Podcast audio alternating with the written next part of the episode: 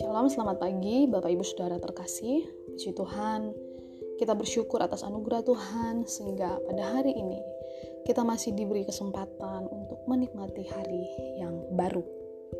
Pagi hari ini Bapak Ibu kita akan melanjutkan perenungan firman Tuhan kita dari kitab Yeremia pasal 25. Dalam pasal ini saudara-saudara terbagi dari dua perikop Pertama itu mengenai nubuatan Yehuda akan dibuang ke Babel 70 tahun lamanya. Dan perikop yang kedua ini mengenai piala amarah Tuhan atas bangsa-bangsa. Mari kita lihat perikop bagian pertama, yaitu nubuatan mengenai Yehuda yang akan dibuang ke bangsa Babel selama 70 tahun lamanya.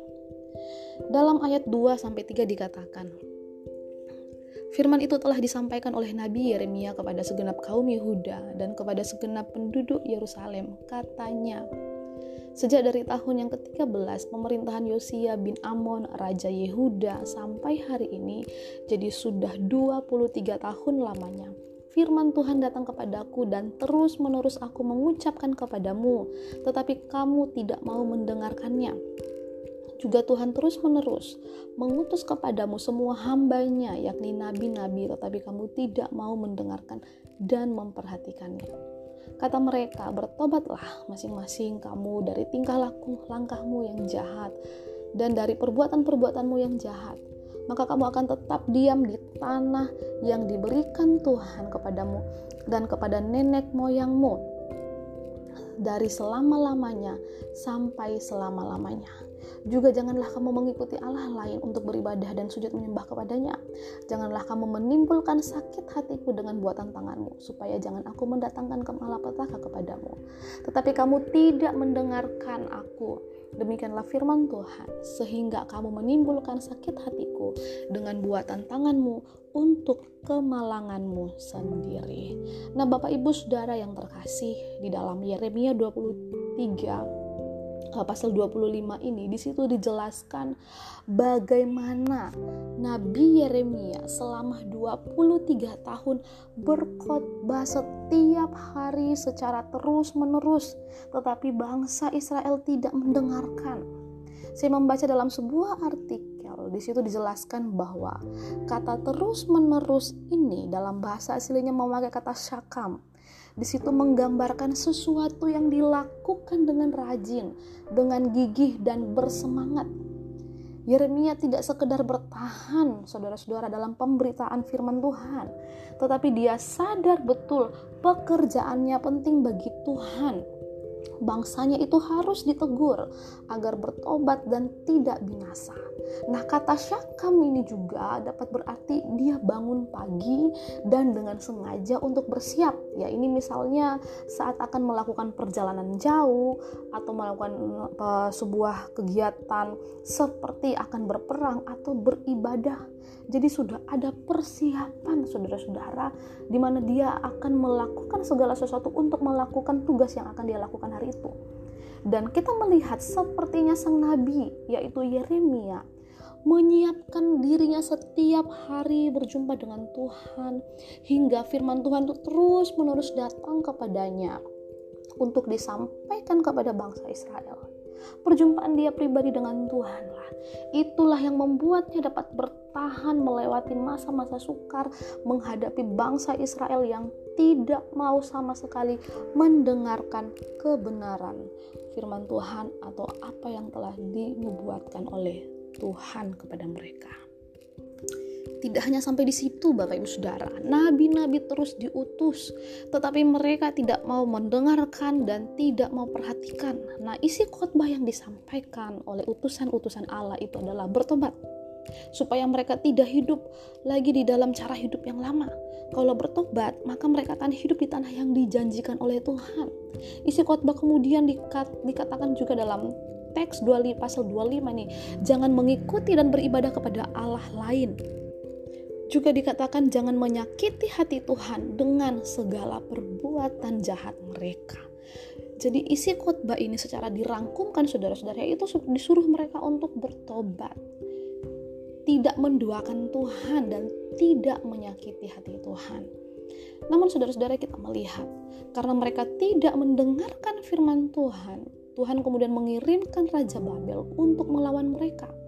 Di dalam ayat 8 sampai 14 di sana saudara-saudara dijelaskan bahwa karena orang Israel tidak mendengarkan nasihat Tuhan atau nasihat dari para nabi dalam waktu yang cukup lama, pada akhirnya Allah mengubah cara untuk menangani mereka. Allah menggunakan kerajaan Babel yang dianggap orang-orang Israel atau orang-orang Yehuda sebagai musuh penganiaya mereka dan bahkan membunuh mereka yang menentang mereka, menawan uh, juga bangsa Babel menawan orang-orang Israel, menawan ke Babel dan kemudian menghancurkan negara mereka. Akibat juga mereka tidak mendengarkan firman Tuhan, akhirnya lenyaplah sukacita. Pada akhirnya yang menimpa mereka adalah duka cita oleh karena penyerangan Babel yang begitu hebat. Pada akhirnya negeri ini jadi reruntuhan dan mereka jadi budak di Babel selama 70 tahun. Dan kemudian kita masuk di dalam perikop yang kedua. Di situ juga bagaimana Allah pada akhirnya menghukum bangsa-bangsa yang juga menjahati atau menghukum orang Israel. Tidak ada yang luput dari hukuman Tuhan kepada mereka yang melakukan kejahatan di mata Tuhan, baik itu bangsa Israel yang merupakan bangsa pilihan Allah, dan juga kepada bangsa-bangsa lain yang benar-benar tidak menghormati Allah Israel.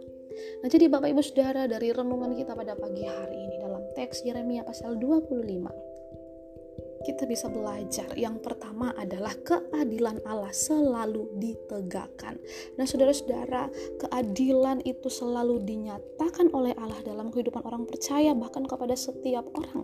Bagi mereka yang tidak mau mendengarkan firman Tuhan, bagi mereka yang hidup di dalam cara hidup yang lama, maka hukuman Allah akan menjadi bagian mereka.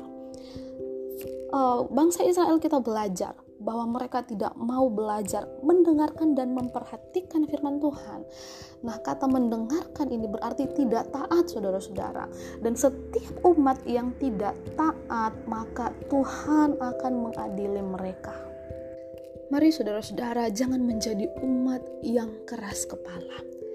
Umat yang tidak memperhatikan, tidak mau melakukan apa yang menjadi firman Tuhan. Jangan seperti seorang anak kecil yang tidak mau diajar, yang tidak mau dididik. Dalam kehidupan kita, begitu banyak pengajaran, begitu banyak firman Tuhan disampaikan kepada kita atau datang kepada kita. Dan firman Tuhan ketika datang kepada kita, saudara-saudara, itu dalam berbagai cara. Karena sekarang adalah zaman yang canggih, maka Bapak Ibu Saudara bisa mendengarkan baik itu di tempat secara langsung bertemu dengan uh, pengkhotbah atau yang menyampaikan renungan atau juga bisa melalui media sosial, melalui alat komunikasi yaitu handphone saudara-saudara. Begitu banyak media yang bisa dipakai Tuhan untuk mendidik kita kalau pada zaman itu Nabi Yeremia berusaha sekuat tenaga selama 23 tahun. Bangun pagi-pagi menyampaikan isi khotbahnya kepada umat Israel. Saudara-saudara nah sekarang kita banyak sekali mendengarkan kebenaran firman Tuhan melalui berbagai media. Dan jangan menjadi seperti orang Israel yang tidak mau mendengarkan firman Tuhan. Jangan menunggu waktu yang lama saudara-saudara Firman Tuhan itu selalu datang kepada kita untuk menguatkan, menegur kita, mendidik saya dan Bapak Ibu Saudara. Dan kita harus terbuka hatinya untuk menerima didikan Tuhan melalui pengajaran-pengajaran kebenaran firman Tuhan. Sehingga kita menjadi pribadi yang bertumbuh. Ketika firman Tuhan disampaikan kepada Israel, firman Tuhan berkata bahwa engkau harus bertobat dalam Yeremia 25 supaya kamu hidup di tanah yang dijanjikan oleh Tuhan dan ketika kita belajar Bapak Ibu taat kepada Tuhan, maka janji Tuhan itu akan ada dalam diri kita. Kalau kita mau diberkati oleh Tuhan, kalau kita mau menikmati janji Tuhan, maka hiduplah benar di dalam kebenaran firman Tuhan. Jangan kita menyimpang ke kiri dan ke kanan. Jangan kita mengikuti atau beribadah kepada Allah yang lain. Jangan menduakan Tuhan seperti bangsa Israel dalam pasal 25 ini.